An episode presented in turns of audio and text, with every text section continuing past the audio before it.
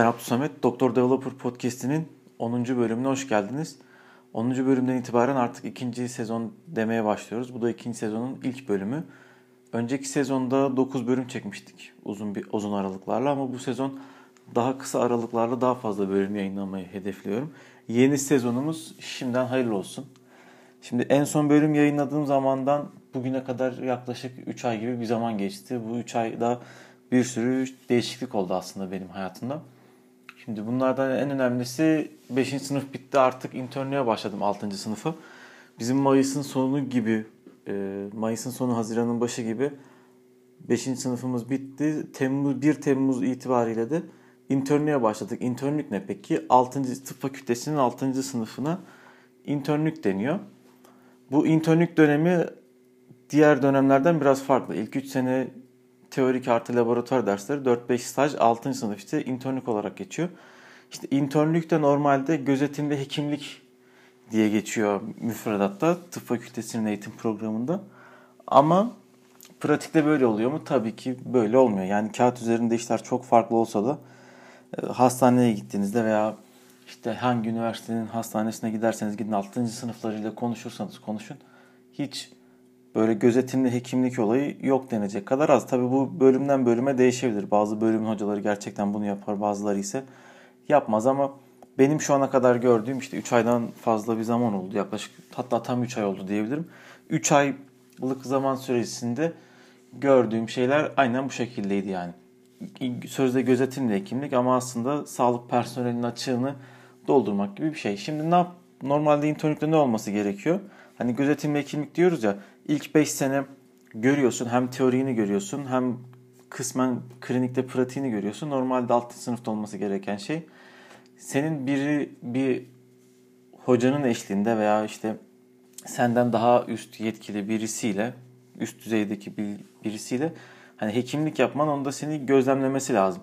Ama gel gör ki işte ülkemizde hani diğer ülkeler nasıl çok hakim değilim ama asistanlıkta bile gözetimli hekimlik yapılmazken hani internlükte de yapılmasını tabii ki beklemiyoruz yani. Şimdi asistanlık eğitimine baktığım zaman asistanlıkta bile hani gözetimli hekimliği geçtim atıyorlar böyle bir havuzun içerisine asistanları. Onlar bekliyorlar ki kendileri yüzmeyi öğrensin. Asistanlar da ne yapsınlar işte? Mecbur kendileri o iş onlara emanet edildiği için mecbur bir şekilde çırpına çırpına okuya okuya onu öğrenmeye çalışıyorlar. O havuzda boğulmamaya çalışıyorlar. Böyle böyle asistanlıkta bitiyor. Şimdi asistanlarınki böyle olunca internlerinki daha da beter oluyor. İnternler tamamen bu sefer hani ne asistan ne stajyer böyle ara eleman gibi işte ne iş olsa ona koşturuyorlar. Hani normalde yapmamız gereken iş e, eğitim programında veya bir pratisyen hekimi yapması gereken, yap, koyması gereken tanıları, koyabilmesi gereken tanıları işte gözetimli olarak öğrenmesi gerekirken, test etmesi gerekirken, gereken reçet tedavi düzenlenmesi gereken durumlarda tedavi, sevk yapması gereken durumlarda sevkleri gözetimli olarak uygulaması gerekirken tabii ki böyle olmuyor. E şimdi internlükte bir de bize maaş veriyorlar. Çok cüzi bir miktarda. Bir de sigorta yapıyorlar ama bunların hiçbirinin bir etkisinin olmadığını ben geçen arkadaşlarımdan bizzat duydum.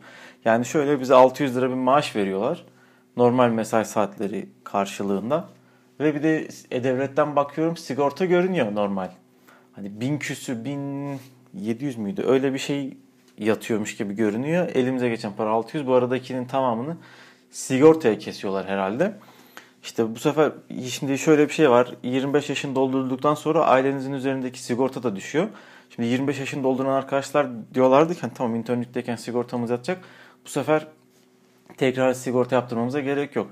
Öyle düşünen arkadaşlardan bir tanesi muayene olmak için hastaneye gittiğinde görüyor ki o sigorta aslında hiçbir işe yaramıyor.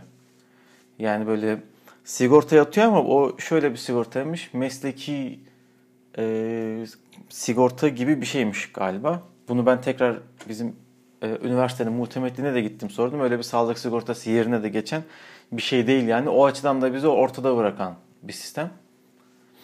Tabii bir de bu iş yükünü artıran şeyler var. Mesela normalde gözetimde hekimlik yapacağız diyoruz ama asistanların üzerine yük bindiği için de bu sefer çömez asistanlar da kendi işlerini internlere yükleme peşine düşüyorlar. İşte dosya işleri, gereksiz işler, bilimum hasta taşıma işleri, personelin yapmadığı işler. Yeri geliyor hemşirenin yapmadığı işler. Hemşireye söz geçiremeyen asistan gelip acısını internden çıkartıyor, interne yaptırıyor. Personele söz geçiremeyen yine geliyor, interne kayıyor. İşte ta işte bir şehir hastanesindeyiz söylemiştim. Ta bir hastanenin bir ucundaki yere git bak bakalım şu hastanın şu sonucu çıkmış mı diye gönderilmeler. Radyolojiye gönderip rapor yazdırmaya çalışmalar. Hastanede aksayan her türlü işi kompanze etmek için, dengelemek için internleri kullanma. Her türlü şey internlerin üzerine çöküyor. Yani aslında bu sadece e, şeyin asistanların veya hocaların suçu değil aslında sistem bunu itiyor. Yani şehir hastanesinde e, o kadar personel açığı var ki artık yani hemşireler de bıkmış durumda, asistanlar da bıkmış durumda. Dolayısıyla internler de bıkmış durumda. Bu iş iş sıkıntısı bize de yansıyor. Hatta şöyle bir şey oldu. Geçen, geçen dedim bu geçtiğimiz hafta içerisinde bir yemek zehirlenmesi olayı yaşandı. Yemek zehirlenmesi, öğle yemeği yiyen insanlardan, çalışanlardan işte bütün hastane personeli, hemşerisi, doktoru, personeli, yardımcı personeli böyle 400'den fazla kişi zehirlenmiş. Böyle bir, gündüz bir bakıyorum da gelen personellerin hepsinde böyle damar yolu falan var. Hani soruyorum ne oldu diye herkes zehirlenmiş. Sonra işte öğleden sonra haberleri çıktı e, internet sitelerinde sonra kaldırdılar herhalde de e, şehir hastanesinde 400'den fazla kişi zehirlendi diye. Benim kendi arkadaşlarımdan zehirlenenler oldu. Böyle nöbetlere kalamadılar. Asistanlar yine o kadar kötü durumdaydılar ama yine mecbur nöbet, nöbet tuttular. Öyle kötü bir durumdaydı yani. Yani bir de şöyle bir şey var. İnternlükte bilmediğin şeyler var ama senden yapman yapman bekleniyor.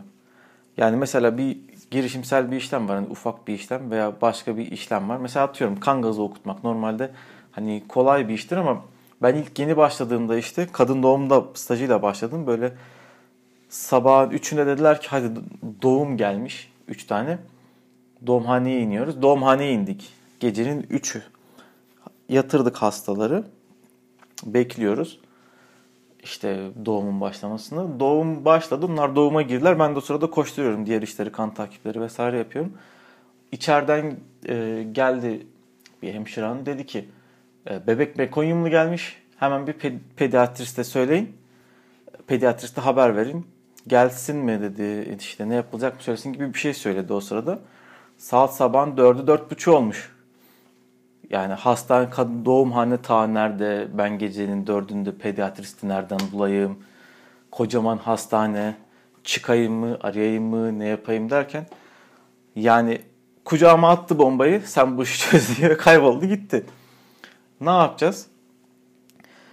İşte hemen telefona sarıldım arayacak yer. İşte daha doğrusu bu şeyde e, belirli numaraların olduğu yerler var. Asıyorlar bilgisayarın yanına ki hani ihtiyaç olduğunda hemen oraya ulaşsınlar. Bak oraya baktım ulaşabilir miyim diye. İşte bir iki numara buldum. Aradım, sordum, sordum, sordum. En son ulaştım nöbetçi pediatriste. Ne yapılacak diye. Hemen ondan işte ona hastayla ilgili bilgi verdim yeni doğan bebekle alakalı. O da hemen ne olacağını söyledi işte bir kordondan kan gazı alsınlar diye. Hemen içeri gittim. Bu sefer kan gazını aldılar. Bu sefer elime verdiler ki kan gazını okut. Hayda daha ilk staj. Kadın doğumda kan gazı çok nadir gereken bir şey olduğu için daha önce hiç öğrenmedim. Daha ilk stajım. Daha önce hiç okutmamışım kan gazını. Elime verdiler. Hızlıca da okutmam lazım ki hani sonuç doğru çıksın. Zaman geçtikçe kanın pıhtılaşma ihtimali var. İçindeki değerlerin bozulma ihtimali var. Daha önce hiç okutmamışım. Hepsi ayrı bir de ameliyathanedeyim. Sabah 4.30 ameliyathanede kimse yok sorabileceğim. Bir de şimdi şehir hastanesinin ameliyathaneleri böyle bütün hastanelerin ortasında bir yerde her kapı bir yere çıkıyor. Böyle tamamen labirent gibi bir yapısı var. Hani ben ameliyathanede de yeni olduğum için oraya da alışamadım. Nerede nerede onu da verdiler. Hadi onu da çözeceksin mecbur. Ne yapacaksın? Hani çözeceksin o işi. Senin eline vermişler. Mecbur kalınca yapıyorsun. Ben de ne yaptım? İşte hemen girişteki elemanları buldum. Güvenliğe sordum, ona sordum, buna sordum. En son bilen birini buldum. Onu aldım yanına gittim içeriye. Şimdi kan gazı makinesi neye benziyor onu dahi bilmiyorum böyle. Elimde kan gazı enjektörü var. İşte bir şeyler talimatlar yazıyor orada. Yine bırakmışlarsa yazmışlar sağ olsunlar. Onları okuya okuya bir şey yaptım. Bu sefer meğer makine hasta barkod olmadan çalışmıyormuş. Bu sefer geri döndüm. Daha tak, kan gazını aldığım yerden. Doğumhaneye geri döndüm. Orada tekrar barkod bastım. Bir daha tekrar makineye döndüm. Bu sefer okuttum Allah'tan da e, bir sıkıntı çıkmadı. Ondan sonra geri döndüm bir de bu sefer de kadın doğum uzmanından trip yiyorum ne kadar geç kaldın diye. Yani hiç kimse demiyor ki sen daha önce okuttun mu? Sen bu işi biliyor musun? Yani herkes bir şekilde bir suçlu çıkartma derdinde mi, bir şey yapma derdinde mi, sabahın o saatinde orada olduğu için benim suç diyor yani. Benim oradaki suçum günahım ne? Hani şükretmiyor ben o işi bilmeden çözdüğümü orada bana şey yapıyor. Trip atıyor o da. Neyse bu da için farklı bir mevzusu ama hani şu son 3 ayda ne anladın dersen insan mecbur kalınca, zorda kalınca her türlü işi yapıyor. Seve seve yapıyorsun. Yapacak bir şey yok. Yani çünkü böyle bomba gibi üstüne atıyorlar. Sen o işi çözeceksin. İşte böyle böyle insanlar kendilerini geliştiriyor. Asistanlıkta da aynı şekilde. Sana servise emanet edip gidiyorlar. Ne yapacaksın? Ya işte bir şey oldu. Ya açıp update'ten bakacaksın. Ya arayacaksın. Kıdemline soracaksın. Ya uzmanı bulacaksın. Varsa işte me, pe, periferde bu mecbur hizmete giden doktorlar şey yapıyorlar. İşte stajyerken, internken tanıştıkları asistanlarla iletişimde olduklarını arayıp soruyorlar. O tip şeyler yapıyorlar. Bu tip şeyler de yapılabilir yani. Kısaca bir şekilde o işi çözüyorsun. Yani aslında burada direkt bir suçu bireylere atmamak lazım. Çünkü baktığın zaman sistem insanları buna itiyor. Yani bir insanın yeterli personeli olsa, yeterli ekipmanı olsa yani bu işlerin çoğuna gerek kalmaz diye düşünüyorum. Yani bir yoksa radyoloji raporu niye iki hafta içerisinde çıksın da intern oraya gidip hocam aciliyeti var bu işin bunu çabuk yorumlay yorumlayabilir misiniz? Raporunu yazabilir misiniz demek zorunda kalsın. Yani her gelenden BTMR istemek, bir hastanın gittiği 3 yerde MR çekilmesi, 2 yerde tomografi çekilmesi beğenmeyip farklı farklı şeyler. Bunların hepsi sistemsel ayıplar. Hani diğer sağlık personellerinin günde 3 vardiyayla çalışırken aynı vardiyada tek doktorun çalışmaya devam etmesi bunlar sistemsel aksaklıklar. Bu ve buna benzer şeyler aslında bütün sistemi yoruyor. Bundan dolayı da hani bu bahsettiğim şeyler oluyor. Yani yoksa şimdi intern istemez mi? Bir profesörle bir doçent de gelsin, hasta baksın, ikisi de muayene etsin. Önce intern muayene etsin, sonra doçent izlesin, yanlışını söylesin, doğrusunu söylesin. Birlikte ön tanıları söylesinler, tanıya gitsinler, reçetesini yazsınlar. Sonra başka gelen hasta varsa takibini yapsınlar. Yani bunu kim istemez ki? E ne oluyor? Doçent aşağıda cerrahsa ameliyathanede kalıyor. Ee, eğer poliklinik zamanı ise asistan atıyorlar polikliniğe. Kendileri şey yapıyor. Kendisi çıkıyor ya başka bir şeyle uğraşıyor ya dışarıda takılıyor. Başka işi varsa onu yapıyor. Ya asistan içeride debeleniyor. Böyle bir sistem varken yani asistan da internde bir şey öğretemiyor. Kendisi zaten daha yeni başlamış. Hemen polikliniğe atmışlar. Hani kıdemliyse falan yine çok şey öğretebiliyor yine Allah razı olsun da. Hani sistem böyle olunca o da bir şey yapamıyor. Şimdi bir de yeni hastanelerde de sistem karışık. Ondan dolayı da böyle bir henüz oturmamış bir sistem var. Yani bir de şöyle bir şey var. Şimdi Sağlık Bakanlığı bizim hastanenin hemen yanında. O kadar olay oldu. Doktorlar sıkıntı çekti. Bir sürü saçma sapan şey oldu. Hastanede neler neler oldu. Sağlık Bakanı gelmiyor. Geçen ünlü birisi yatmış hastaneye. Eski Yeşilçam sanatçılarından biri. Sağlık Bakanı hemen hastaneye ziyarete geliyor. Ya arkadaş biz senin yanındayız. Hastanede bir dünya sıkıntı oldu. Bir sürü şey oldu. Bir kere gelmediniz. Yani bir ünlü yatınca hemen ziyarete geldiniz. Koşa koşa geldiniz yani. Biz burada bağırıyoruz, ölüyoruz burada diye. Kimse sesimizi duymuyor. Böyle saçma bir sistem var işte. Velhasıl kelam bu sistemde bir sıkıntı var. Sistemin aksaklıklarının belirli şekilde düzenlenmesi lazım. Hani bunun yolu da sayıdan değil aynı zamanda kaliteden de geçiyor. iyi yönetimden geçiyor. Hastaların birebir müşteri görülmemesi, sağlık çalışanlarının işçi gibi görülmemesi, olayın sosyal devlet politikasını aynı zamanda biraz da hani e, hem halkın faydasını hem doktorların, sağlık çalışanlarının faydasını gözetecek şekilde yeniden düzenlenmesi lazım. Yani yoksa korkarım bu sistem bir yerde patlayacak. Çünkü artık hani bizim hocalarımız da benim tanıdığım çok kaliteli hocalar bire, birer birer özele geçiyorlar. Yani çünkü ne değer veren var, ne sahip çıkan var. Yani kimse kimsenin arkasında durmuyor. Yani bugün inisiyatif alıp hani yurt dışında ameliyat almayı bırak hani ilaç verilmeyecek hastaları burada burada Türkiye'de bizim hocalarımız inisiyatif alıp ameliyat ediyorlar ama kimse arkalarında durmuyor. Onlar da artık sıkılmış durumdalar. Onlar da çareyi başka yerde arıyorlar. Ne yapsınlar? Sahip çıkan olmayınca işte onlar da ilk fırsatta gidiyorlar. Ya yurt dışı ya özel sektör veya kendi muayenehaneleri vesaire vesaire. Sistemin düzeltilmesi lazım kısaca. Şimdi hastane mevzusunu bir kenara bırakıyorum. Onun dışında bir de önceden Open Zeka'da çalışıyordum. Hadi hatırlarsanız başladığımda da bahsetmiştim. O Open Zeka'daki işten de e, ayrıldım. Yani karşılıklı olarak ayrılma kararı aldık. Böyle farklı bir şey oldu. Yani profesyonel hayatta böyle şeyler her zaman için olur. İşveren veya çalışan memnun olmadığı zaman e, işten çıkabilir veya karşılıklı olarak anlaşmalı bir şekilde iş akdini sonlandırabilirler.